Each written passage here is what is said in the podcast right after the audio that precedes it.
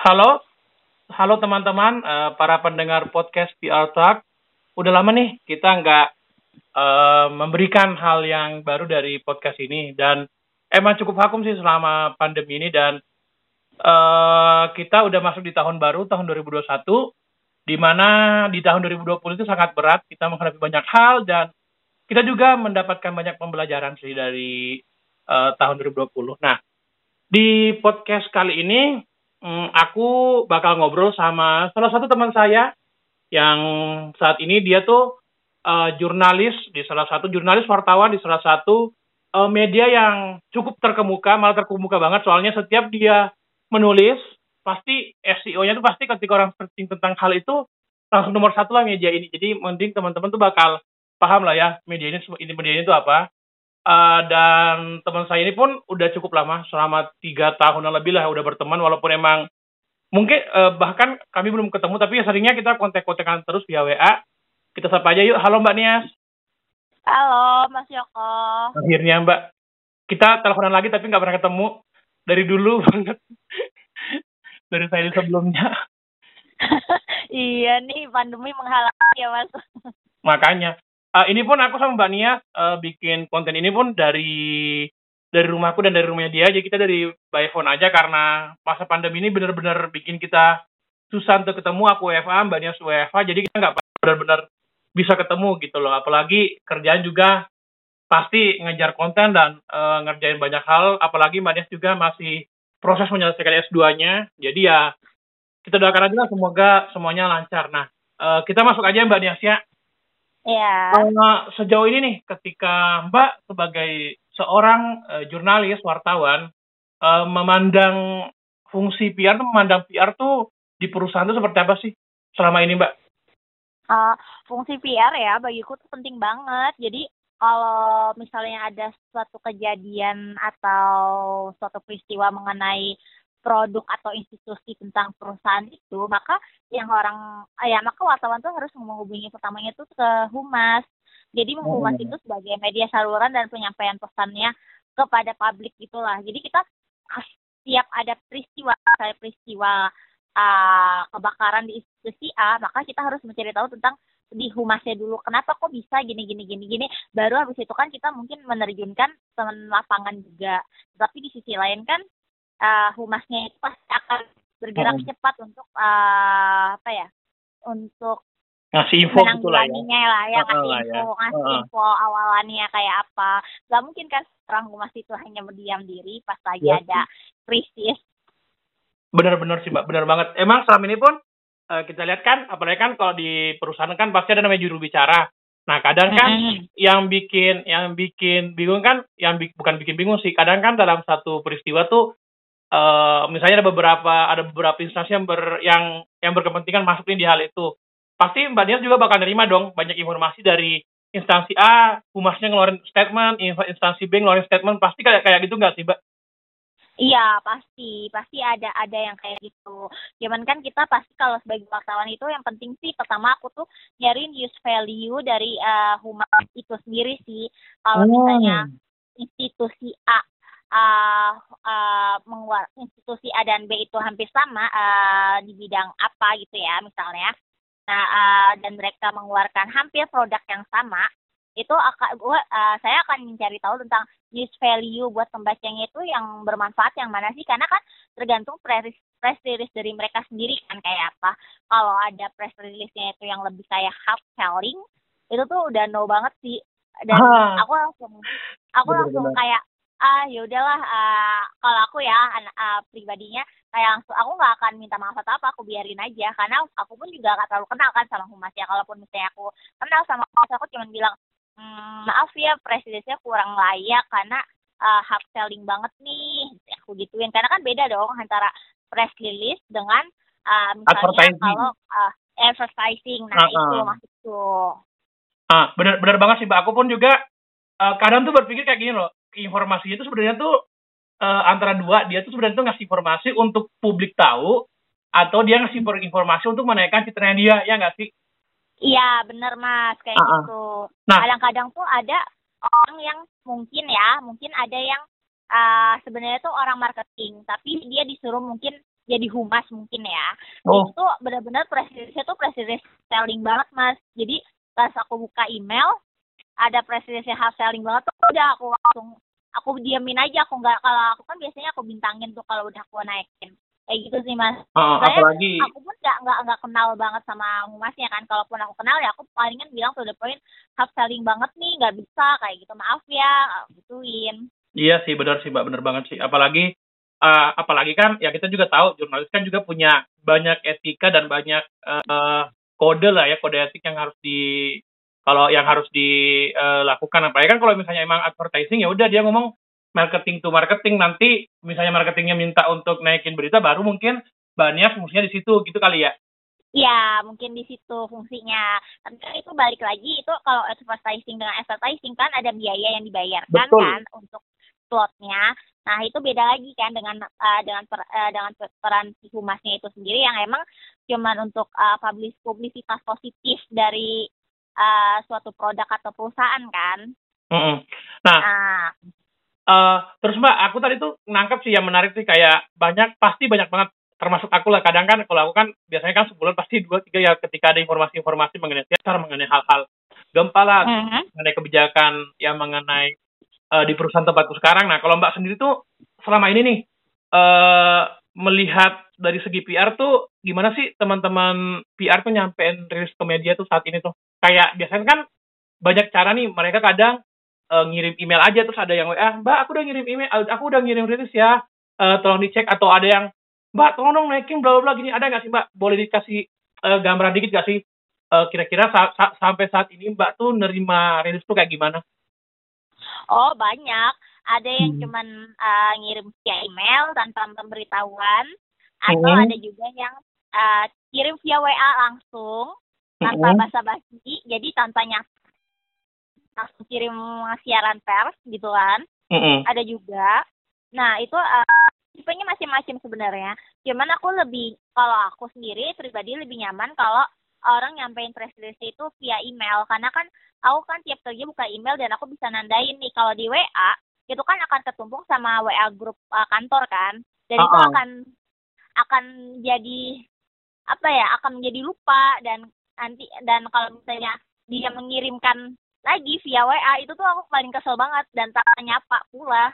Kayak eh anggap gue apa sih sebenarnya? Kan kita sama-sama eh, saling membutuhkan nih sebenarnya kan. Iya sih cuman betul. eh, ah, cuman se- lo nggak perlu lo nggak harusnya kayak gini. Yang yang cuman eh, cuman ngirim misalnya eh, apa waktu itu eh, undangan undangan virtual press gitu kan.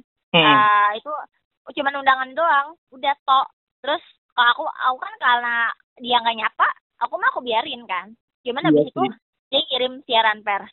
Habis itu dia nanya mbak Nia boleh kapan dinaikin nggak? Terus aku bilang maaf mbak. Kita kan semua kita semua kan kerja ya. Kita punya etika ah, coba deh mbak ah, li- ah, berkaca dulu dengan WA mbak yang sebelum sebelumnya mbak nyapa aku apa enggak aku gitu. Kita saling menghormati loh satu sama lain. Aku gituin itu lucu itu lucu banget sih bener-bener kayak kelihatan pengen apa mendekati pas ada butuhnya doang gitu loh. Bahkan iya. Say hi iya pun ya ya kita pasti banyak juga sih ya yang kayak gitu. Dan itu mungkin hal yang terpenting buat teman-teman PR untuk pelajari kembali bahwa eh, jurnalis pun manusia dan isti- istilahnya tuh nggak ada yang superior nggak ada yang rendah. Pokoknya sama-sama orang. Kita juga butuh pemberitaan dan teman-teman media juga butuh konten kan ya. Istilahnya kayak ya iya. udah iya saling menghargai dan aku paling nggak suka kayak itu dan itu masalahnya organisasinya organisasi apa profesi yang terkenal loh mas. Ah daw adidaw Eh, Nah, nah, itu itu pokoknya organisasi. profesi yang terkenal banget. Itu yang oh kayak gini ya humas ya kayak gitu. Akhirnya Dan- akhirnya pandangannya agak Hmm. beda ya. Iya akhirnya jadi yang tadinya aku mungkin agak uh, respect uh, terus tiba-tiba agak beda karena mungkin dari pelakuan si humasnya juga dengan mengirimkan press release dengan uh, tanpa basa-basi di WA pula. Dan Hmm. tiap aku uh, kalaupun aku nggak naikin itu dia akan menanyakan kan kayak uh, sebenarnya kan wartawan itu kan apa ya nggak harus diwajibkan untuk menaikkan seluruh berita siaran pers yang ada. Ah betul betul Kan banget. wartawan juga, iya. Dia kan wa- wartawan itu kan punya apa ya eh dia punya hak untuk eh ini ini loh yang naik yang ini yang enggak. Karena kan ada ada waktu yang dibatasin berbenturan dengan deadline terus secara lain atau mungkin ada tentang hal-hal teknis lainnya kan yang emang nggak bisa dikasih tahu ke uh, media ke humasnya. humasnya kayak gitu. Kayak iya, gitu sih mas. Emang iya, emang itu, menarik itu banget paling lucu banget sih mas. Gila sih emang. Jadi kayak gue pun mikir loh kayak misalnya nih gue ngirim ke Mbak Nias, uh, uh, eh, gue kirim ke rilis ke emailnya Mbak Nias.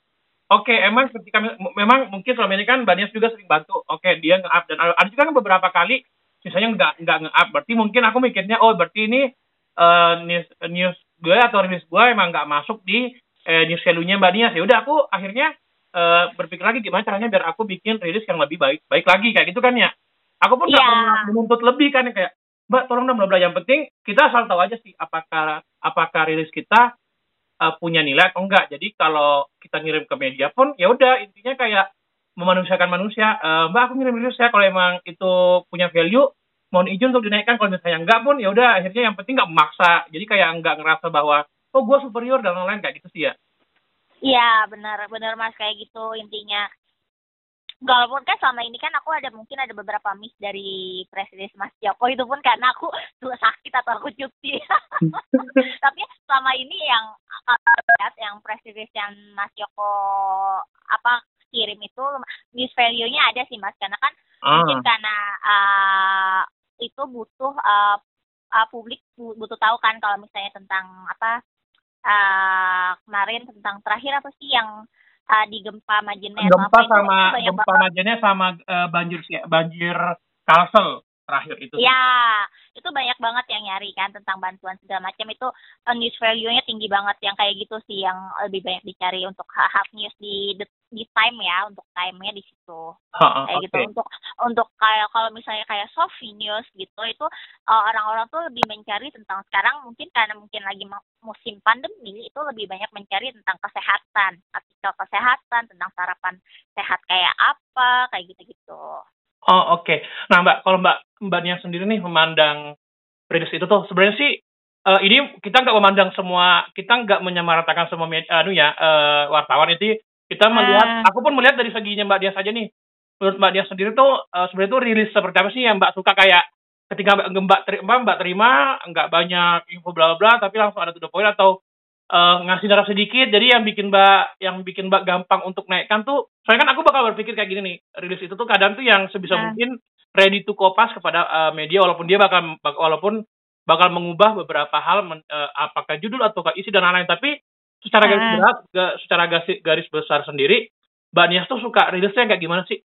Ketika menerima. uh, yang penting sih uh, gaya penulisannya itu pasti kayak gaya penulisan berita ya mas. Bukan kayak gaya penulisan kaku hard hard marketing gitu hmm. dan itu hmm. harus uh, dan itu tuh uh, kalau aku sih yang penting 5 W satu hanya uh, masuk uh, dan satu lagi kalaupun dikirim via email itu itu pun aku suka itu jadi di body emailnya di uh, disertai attachment attachmentnya juga tapi di body hmm. email itu juga diisi uh, siaran persnya jadi kalaupun aku kerja uh, okay. kalaupun beberapa wartawan kerja dari HP itu kan langsung bisa nggak langsung nggak harus download attachment ya kan Oke, ini pembelajaran ah. buat aku juga berarti. Berarti Iya. Selama ini kan aku biasanya kan masukin ke aku kan selama ini biasanya ngelampirin dalam bentuk uh, eh, RTF, Ristek Format sama Word. Ternyata banyak teman-teman media lebih suka kalau ada di body email langsung ya. Iya, di body email langsung karena itu memudahkan kita untuk beberapa pekerjaan kita sih Mas. Terus satu lagi sama image-nya itu kalau bisa tuh di bawah hmm, di bawah pokoknya di bawah di bawah 800 KB karena itu kan akan mau di convert lagi dengan uh, dengan sistem kita kan. Jadi kalau dan harus uh, landscape kalau portrait itu kita harus ngedit lagi mas. Oh. Nah berarti mbak kalau mbak sendiri lebih prefer ke landscape ya? Ya landscape. Karena kalau landscape kan udah otomatis kan di sistemnya langsung uh, langsung menerima kalau uh, kalau portrait itu aku harus uh, ngedit lagi di Photoshop atau Photoscape. Jadi harus disamain kayak gitu. Ataupun aku bikin dua kayak gitu Nah, tuh buat teman-teman uh, PR atau teman-teman media relation lagi dengar sekarang, dengerin baik-baik. Jangan pernah ngirim di atas 4 MB itu bakal bikin ribet teman-teman media di sana. Bakal ngomong Iya. lagi. Nangis aku.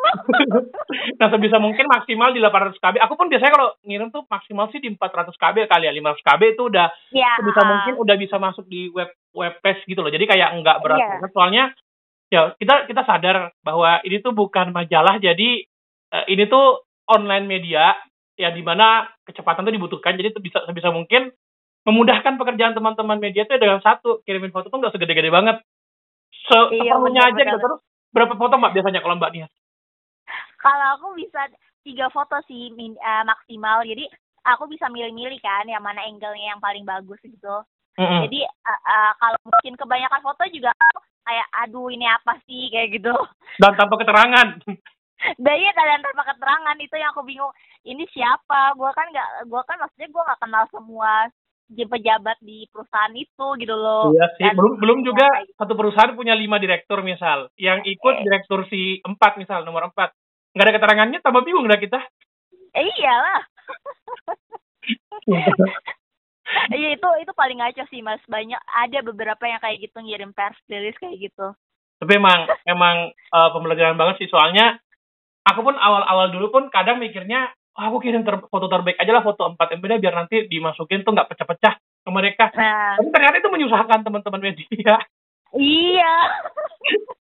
itu kita harus kanvas lagi mas. Makanya berarti kalau untuk rilis sendiri tuh kalau Mbak sendiri maksimal berapa berapa hari sih? Misalnya kejadiannya hari A. Nah, maksimal tuh kalau Mbak sendiri tuh pengennya bisa mungkin hari apa sih yang dikirim maksimal paling lamanya gitu.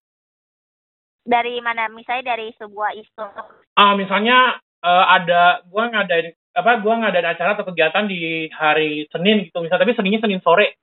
Nah, kalau menurut Mbak sendiri Mas? maksimal halo Ya, ha? eh, maksimal tuh eh, ketika udah ngelaksanain Senin sore maksimal tuh hari apa? Bagus baik baiknya ngirimnya. Em, maksimal ya. Mm-mm. Halo? Mbak Nias nggak ada suaranya. Eh, ngasih ke kitanya selasa selasa sore dari senin sore ke selasa sore itu menurut kita udah udah nggak udah nggak apa ya istilahnya ada istilah basinya lah Ah, udah udah mulai basi lah ya beritanya ya. ah, ah, ah, udah udah mulai basi jadi kita kayak naikinnya juga males-malesan kecuali ya kecuali kalau itu lebih ke berita tentang kesehatan yang soft news ya yang mungkin bisa bertahan beberapa ah, itu long, long, long, lasting lah kalau untuk kesehatan dan lifestyle tapi kan kalau misalnya untuk hot news ah, tentang acara misalnya penganugerahan atau apa itu lebih sesegera mungkin sih dari acara yang udah ada Jadi sebisa mungkin kalau eh, Senin sore ya udah Senin sore aja langsung dikirimin. Tapi kalau jadwal sendiri Mbak kalau untuk meng- mengumpulkan pemberitaan tuh Mbak per hari ini tuh setiap jam berapa sih? Ini nggak semua media ya mungkin di Mbak Nias aja misal. Eh, untuk pemberitaan sendiri dikumpulin jam berapa? Mm-mm, maksimal tuh bagusnya tiap hari tuh ngirimnya maksimal jam berapa gitu loh misal. Oh, kalau aku sih eh, biasanya tuh karena aku lebih sering tiketnya siang ke malam, aku sih lebih seneng siang mas jam apa pokoknya jam 2 atau jam 3 tuh kan biasanya aku ngecek email tuh lumayan banyak tuh udah banyak yang masuk untuk press release segala macam kayak gitu sih. Oh iya sih, jadi nggak malam banget juga, nggak bagian juga, ya pagi juga Ya, bagus sih sebenarnya. Iya, karena kan kalaupun kita naikinnya ma- malam, misalnya kalau eh, teman humas eh, ngirim jam mungkin jam 8 malam, itu kita naikin langsung jam setengah sembilan tuh eh, suka nggak eh, apa ya suka eh, mungkin orang banyak yang belum ter- nggak tertarik dengan eh, news itu Oh. berita yang dinaikkan. Karena kan yang mungkin jadwalnya harusnya kan kalau misalnya untuk lifestyle itu lebih cocok ke pagi kayak gitu. Oh atau misalnya uh, hot newsnya misalnya tentang gempa atau apa itu uh, banyak orang mungkin perlu uh, info atau apa jadi pas banget mereka baca kayak gitu gitu mas jadi bergantung time-nya juga Sama keyword yang lagi yang lagi naik ya. ya kali ya. keyword yang lagi naiknya apa Nah itu penting nggak sih mbak buat teman-teman PR tuh ngikutin? Soalnya tuh jujur aja mungkin banyak kali ya teman-teman PR tuh nggak melihat nggak melihat kalau aku pun kadang tuh kayak misalnya budget cover tuh eh, atau kan ada tuh misalnya di Kalsel kemarin yang naik di Google Trend itu kan sebenarnya kan banjir Kalsel bukan banjir Kalimantan Selatan bukan banjir Banjarmasin. ya Nah, uh, Mbak sendiri tuh bakal memperhatikan itu juga nggak sih? Iya, aku merhatikan uh, kalau untuk online online ya, untuk online itu Ah, ah. memperhatikan tagging sama keyword yang ada di Google-nya sih. Jadi uh, aba, ini kita makanya apa nih yang uh, sebenarnya lagi dipakai banjir kaso atau banjir masnya atau apa kayak gitu. Kita Oh, mem- oke. make sih karena itu kan kita hmm, jujur aja kan kalau online itu lebih uh, memakai mesin kan karena Iya, jadi kita itu ikutin cara kerja mesin kayak apa kayak gitu. Uh, kalau misalnya mesinnya di situ kita ngecek pagi-pagi misalnya tagarnya tentang ada di waktu pagi kapan itu tagarnya itu uh, tentang apa ya aku lupa tentang siapa Tentang sebuah uh, peristiwa lah ya. Ya tentang peristiwa itu Padahal peristiwanya tuh udah tahun yang lalu mungkin tentang peringati kayak gitu itu uh, ya udah kita naikin aja tentang mengenang sejarah ini atau apa kayak gitu Hmm. Jadi teman-teman PR yang mau yang mau mengikuti ombaknya reading the wave-nya, ya udah bikin dulu tapi yang berhubungan dengan keyword yang lagi naik itulah kali ya. iya kayak gitu Ya, dibumbui dengan keyword ditambah news value ya udah, masuk lah udah. Enggak. iya Ah. Iya kayak gitu mas Terus Mbak, ini nih eh kalau Mbak sendiri tuh eh, ngelihat tuh sebuah perusahaan atau sebuah eh, PR tuh baiknya sih eh, ngirim rilis tuh sebenarnya tuh berapa kali sih sebenarnya? Mungkin per hari atau per bulan misal. ah berat ya pertanyaannya Soalnya eh bener loh Mbak, ada loh ya. Aku pernah ngobrol sama salah satu teman di media juga. Dia ngomong, ada tuh Mas, gini dia ngirimnya sampai lima kali per hari dalam hati gua. Gila, lima kali per hari itu gimana ceritanya ya? Ya karena promo Mas gini-gini berarti emang dia perusahaannya emang dia ranah, ranahnya ke arah eh, promo kali. Jadi sehari itu bisa sampai lima kali. Nah kalau Mbak sendiri tuh melihat memandang waktu atau memandang jumlah rilis tuh eh, gimana sih?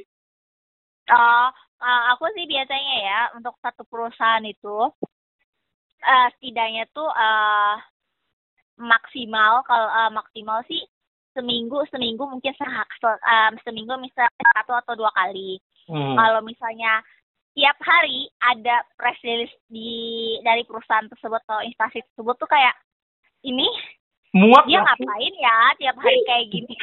Muak gak sih Mbak kayak mau, waduh ini lagi lagi gitu. Iya, muak banget mas. Bukan bukan gimana gimana ya. Iya benar-benar. Aku pun paham sih.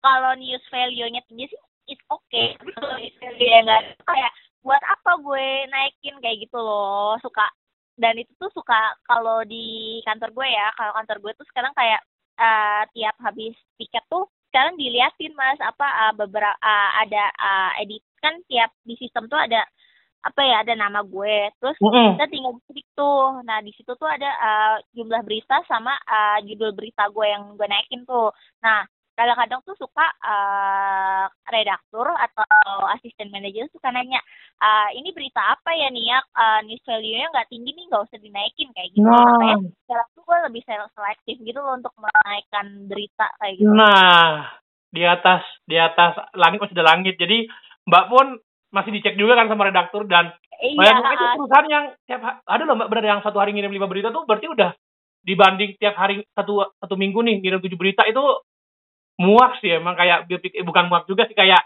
eh, bukan nggak etisnya sih kayak istilahnya kayak kita juga ngasih napas juga sih ke teman-teman media soalnya nggak mungkin dong eh, tiap hari ngirimin berita yang ya misalnya nih kegi- kegiatannya beda tipis lah misal update bla bla bla kecuali memang dia BMKG yang update sesuatu ya itu mungkin bisa kali ya. Tapi kalau produk atau apa kan agak gimana ya mbak ya? Iya agak agak nggak masuk ini aja. Nggak masuk di akal Iya, maksudnya kan kan kalian eh, kalian kan perannya humas lebih ke eh, apa ya lebih ke citra lah dibandingkan kepada hard sellingnya kayak gitu loh. Dan, dan aku tuh kalau mau ngomong kayak gitu untuk misalnya ke humas yang oknum humas yang seperti itu, aku tuh kurang nggak enak kan orangnya. Jadi nah eh, di sini di sini udah paling tepat mbak ngomongnya soalnya semoga dia denger ya tolong ya tolong ya mbak Nias jangan dikirimin banyak banyak tiap hari kasihan oh iya, satu lagi. Aku, tuh paling gak suka ini apa? eh suk- eh, ada eh, aku beberapa kali tuh pokoknya aku nggak tahu entah dari mana humas itu tahu nomor HP ku hmm? tiba-tiba nanya nih mending mending ya mas kalau nyapa ini enggak mas cuma bilang eh, selamat pagi mbak Eh, mbak doang ya namanya nggak tahu nih namanya siapa nih ini gitu ya Iya, selamat pagi Mbak. Uh, dan dia juga nggak mengenalkan nama. Uh, saya boleh uh, nitip press release dalam hati gue ini siapa lagi gak kenalin nama out of nowhere gitu kan. Nah. Terus gue, terus gue kayak gue gue balas sih, gue balas. Maaf ini dengan siapa? Terus dia jawab lah dengan pokoknya PT apa gue lupa. Terus habis itu um, ya gue nanya dong mas tahu dari mana nomor hp saya? Terus dia nggak jawab terus dia tiba-tiba mbak saya nitip siaran pers ya nanti uh, mbak saya uh, nanti mbak saya kasih produknya loh. Itu tuh gue paling gak suka tuh dia coba-coba dikira endorse kali ya? coba iya itu tuh kayak kayak menganggap tuh kayak wartawan tuh mengemis gitu loh padahal kan iya, ah, padahal kan yang butuh kan juga lo sebenarnya buat buat aplikasi jadi menurut maksud gue jangan hmm, jangan memandang rendah wartawan juga lah. Gitu. Iya sih. Nah kecuali saya memang emang kenal dekat nih. Aku pun pertama kali dapat nomor bahkan yang pas gue masih di perusahaan sebelumnya kali ya, belum di ah. sekarang. Itu kan kita kan hmm. kontek-kontekan tuh terus kan akhirnya kita lanjut chat, nanyain ulang tahunnya kapan, kapan kita kirim ah. kiriman.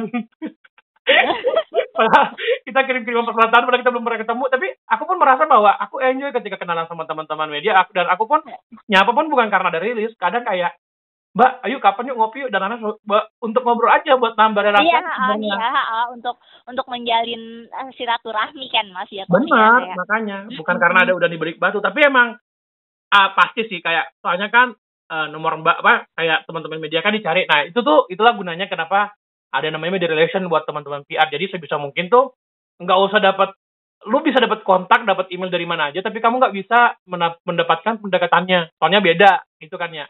Beda yeah. antara kita udah kenal lama sama yang baru asal uh, so asik dan so kenal tiba-tiba langsung ngechat, halo guys, mana aku nitip rilis kan itu kayak kayak freak gitu nggak sih mbak? Kayak malah nakutin kan ya? Dapat dapat nomor iya iya dari mana gitu ya? Ini dapat nomor dari mana? Nggak maksudnya dia juga nggak kenalin nama tiba-tiba nanya apa doang pakai mbak doang lagi.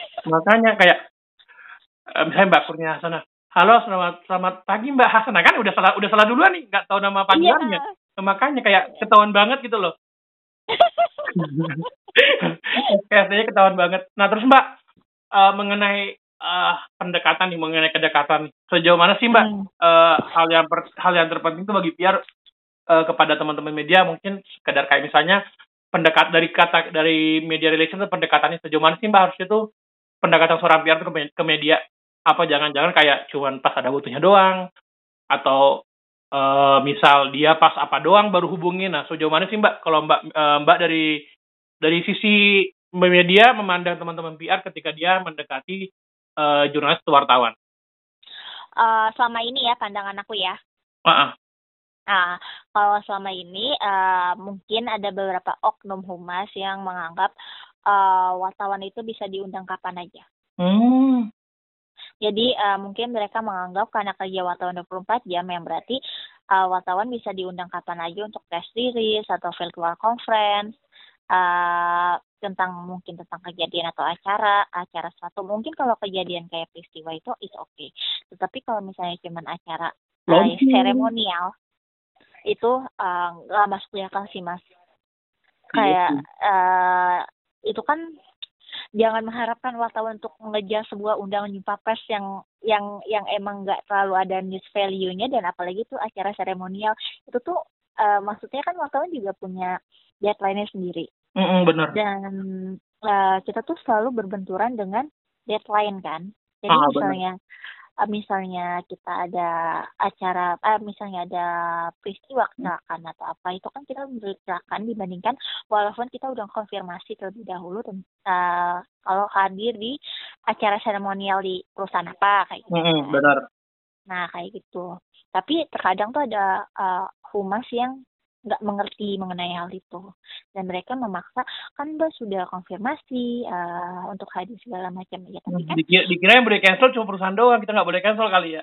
Iya uh, jadi tuh dianggapnya tuh masih lo harus menuruti mau gue padahal kan nggak gitu cara kerja iya sih ya manusia sama nah, manusia ya bukan mesin iya sih. Iya kayak gitu. Terus satu lagi wartawan itu sering dianggap komersial selalu selalu dianggap uh, kalau gue mau naik minta naikin berita gue uh, ngasih berapa ya? Atau waduh. uh, kayak gitu-gitu tuh mas. Selalu ada tuh yang kayak gitu. Ya. itu paling gak suka. Eh, iya sih. Kayak karena ya mungkin karena ada beberapa ada beberapa wartawan bodrek juga kali ya yang Yusuf akhirnya ah, pandangannya iya. masuk ke sana. Ya Iya, cuman- sebenarnya nggak semua apa nggak semua PR kayak gitu dan nggak semua media juga eh seperti itu. Beberapa media pun juga pasti ada yang nolak lah. Saya mending gua dikasih bingkisan kalau acara apa apa deh daripada misalnya ada acara apa nih, mending gua dikasih eh, produk atau apa biar kita tahu dibanding kayak gitu. Soalnya kan Mbak juga pasti eh, merasa bahwa waduh dikomersilkan dihitung-hitung berdasarkan ini agak aneh sih Mbak. Iya, ya agak agak agak agak aneh ya itu kayak gitu sih. Selalu ada selalu ada beberapa oknum yang gitu yang "Ah, Mbak kalau aku nitip eh, ini eh nominalnya berapa? Aku langsung kayak Hah? kayak gitu loh kayak wartawan kayak- kak, gitu ya, bukan advertising gitu ya. Iya, iya. Terus aku cuma jawab, kayaknya salah alamat deh mbak. Gue gitu. Sumpah. Ayo Mbak, udah bayar ke berapa media? Ayo gitu kali ya. Sumpah gue, gue selalu gitu, kayak salah alamat deh um, pak atau bu, gue gituin aja. Ah, itu kan advertising di marketing kami kali ya, gitu kali ya. Eh, eh, enggak kalau gue langsung gue gituin aja. Nggak gue bilang nanti itu di marketing gue atau apa. Gue sih gue gituin aja. Iya itu gue tuh dikenal tuh ah, mungkin untuk humas yang berapa yang mengenal gue gue emang paling jutek jurnalis paling jutek jadi kalau gue udah bilang ah ya ah nggak bisa nggak Hmm. bisa diubah. Jadi kayak eh, lo mau nelfon gue berjutaan kali buat revisi kalau gue kalau awal press release udah naik dan sebenarnya nggak ada yang kesalahan fatal ya gue nggak mau mengubah. Iya sih, kayak tolong dong statement kami salah gini-gini. Gimana ya? Itu ada juga kayak gitu ya? Iya, ada, ada mas, parah itu mah ada dan itu parahnya lagi bukan bukan statementnya doang, ada beberapa cuman "Ah, Mbak boleh nggak fotonya ganti sama foto yang ini direkturnya nggak suka Mbak foto yang ini. Ya Allah, ngatur Anda. Sumpah itu itu gue pengen kesel tapi gimana ya terus gue bilang aja maaf eh, apa berita yang sudah dinaikkan tidak akan sa- ah, tidak akan saya revisi kecuali emang eh, kesalahannya fatal gitu. Ah, misalnya kan angka salah kali ya, misalnya harusnya 3 Ah, M jadi 3 triliun kali ya. Itu mungkin Iya, agak kalau itu fatal ya. Oh, fatal. Kalau ini kan cuma cuma doang. itu Pak Mas itu nggak nggak make sense Mas ada yang kayak gitu juga. Sumpah sih, gila sih. Aku mal, aku tuh benar-benar baru tahu lah mbak kalau banyak kejadian di belakang dapur teman-teman media ketika menaikkan berita seperti ini. Soalnya kan selama ini kan yang kita yang kita lihat kan yang aku alami sama mbak kan ya udah eh, aku ngirim berilis kalau misalnya emang ada news value-nya ya udah masuk. Kalau misalnya itu Eh terlihat enggak ya. terlihat hard selling dan nggak masuk ya udah aku mikir ya udah berarti berarti emang nggak masuk. Jadi nggak nuntut dan lain-lain. Ternyata di belakang sana menarik ya. Iya menarik. Banyak mas. Banyak yang kayak gitu. Ada nih ya ada ini ini ini cerita yang lucu banget. Eh, apa? Jadi tuh pas hari apa gue lupa. Pokoknya gue ngambil cuti dadakan dan hari itu tuh pokoknya eh, harus ada virtual zoom gitu lah pokoknya intinya. Dan gue nggak bisa delegasiin juga kan ke teman lapangan kan teman lapangan juga ada udah ada acara. Cuman Benar. di saat yang itu tuh gue cuti mendadak karena gue sakit atau apa gue lupa. Nah terus tiba-tiba uh, humasnya nge- uh, humasnya ngubungin nih siapa ya hmm, mbak mbak Nia nanti jangan lupa ya jam 10 terus aku bilang maaf mbak sepertinya uh, nggak bisa uh, nggak bisa karena saya lagi cuti atau apa aku lupa terus nah si humasnya bilang gini dong Pak, Mbak bisa tolong delegasiin ke tem ke teman lapangan teman lapangan kah atau gimana? Eh, soalnya eh, sayang banget nih eh, caranya kelewat kalau dari pihak Mbak nggak ada yang datang atau ngeliput. Terus aku Hmm. bilang gini, kalau emang acaranya emang bagus, eh, apa dikirim aja Mbak siaran persnya nanti Nah, aku aku usahakan naikkan walaupun aku lagi cuti cuman untuk mengikuti acaranya secara utuh aku nggak bisa karena iya ah, sih. waktu itu aku lagi ada acara kayak gitu mungkin ada beberapa teman mungkin ada beberapa teman humas yang apa ya yang ini kali ya harus memenuhi target kali ya untuk eh, Iya sih, undang wartawan Ini Harus bukan ada sih, berapa wartawan yang datang gitu kali ya. Iya ah, iya ah, ah. Iya bukan sih mas kerja eh, salah satu humas eh, apa pekerjaan humas salah satunya mungkin memenuhi target beberapa wartawan yang harus datang Iya, ada juga sih Gimana? mbak ketika ada event tuh harus kayak minimal berapa media juga ada juga. Cuma ya di satu sisi juga kita harus paham sih. Ya kalau aku sih kuncinya gini kalau misalnya sebisa mungkin kalau targetnya 60 media ya udah undang 80, undang 90 biar kalau dia nggak datang ya tetap terpenuhi ya nggak sih? iya harusnya kan kayak gitu Iya, cuma ya mungkin ada yang terlalu ngaku. Iya kayak gitu. Gak kerasa ini udah Eh. setengah jam lebih loh ini. Oh iya ya. Gila emang. Seru juga ya. Makanya, uh, jadi emang podcast ini tuh mbak emang kemarin juga aku ngomongin tentang bagaimana jadi seorang PR. Nah ini tuh aku tuh emang lagi pengen mengulik bagaimana sih uh, teman-teman media memandang PR sehingga kita kita pengen ini loh punya pandangan dan pengen merubah hal yang buruk atau hal yang nggak disukai teman-teman media menjadi hal yang disukai disukai karena apa? Ya balik lagi oh, iya. tuh saling membutuhkan gitu nggak sih mbak? Mm -hmm. Iya saling hmm. membutuhkan. Terus juga sih uh, kalau kalau kalau misalnya ada mungkin ya ada isu atau apa ya terbuka aja maksudnya uh, kalau misalnya ada isu penting nih uh, lagi krisis itu kita buka aja maaf bah kita lagi rapat atau apa hmm. jangan jangan pura-pura bilang uh, misalnya uh, misalnya apa uh, kita kita masih ini nih masih OTW atau apa kita hmm. tahu kok humas membutuhkan waktu untuk uh, menanggulangi krisis ya cuman kita cuman pengen tahu aja jawabannya apa hmm. ya kasih oh, kasih gitu. aja sih jangan gantung gitu ya mbak ya Iya, jangan gantung. Kalau ngegantung tuh kita bingung buat buat beritanya tuh kayak apa. Bener. Nah, oke okay, mbak. Jadi gini, sepertinya durasinya udah hampir masuk nih dan uh, sisa ini sih mbak beberapa hal highlight yang aku dapat dan uh-huh. semoga ini bakal bisa menjadi pembelajaran buat teman-teman PR dan aku sih bakal berharap ini bakal ada part sih ngomongin mengenai bukan unek-unek sih kayak pembelajaran buat teman-teman uh, uh, teman-teman media melihat kepada uh, orang PR. Paling gitu sih Mbak Nias. Mm-hmm. Ah, yeah, uh, uh, jadi aku nutup ya. Dan ini bakal yeah. insya Allah bakal ada nextnya deh. Dan thank you banget Mbak Nias uh, udah mau memberikan banyak pencerahan kepada teman-teman PR di luar sana. Dan buat teman-teman pendengar podcast PR Talk, semoga informasi itu uh, bermanfaat dan hal-hal yang baik itu bisa diimplementasikan dengan baik lah supaya apa? Ke depannya ketika kita uh, mengejar sebuah exposure atau kita pengen menaikkan informasi melalui berita ini tuh bisa bermanfaat banget kayak gitu loh. Dan yeah. uh, uh, dan uh, selama ini uh, udah cukup juga sih semoga uh, bisa segera bermanfaat buat teman-teman dan selamat mendengarkan bagi teman-teman podcast Biartak. Selamat malam dan selamat siang, selamat pagi. Oke. Okay. Thank you Mbak Nia. Ya, selamat sehat Mas Yoko.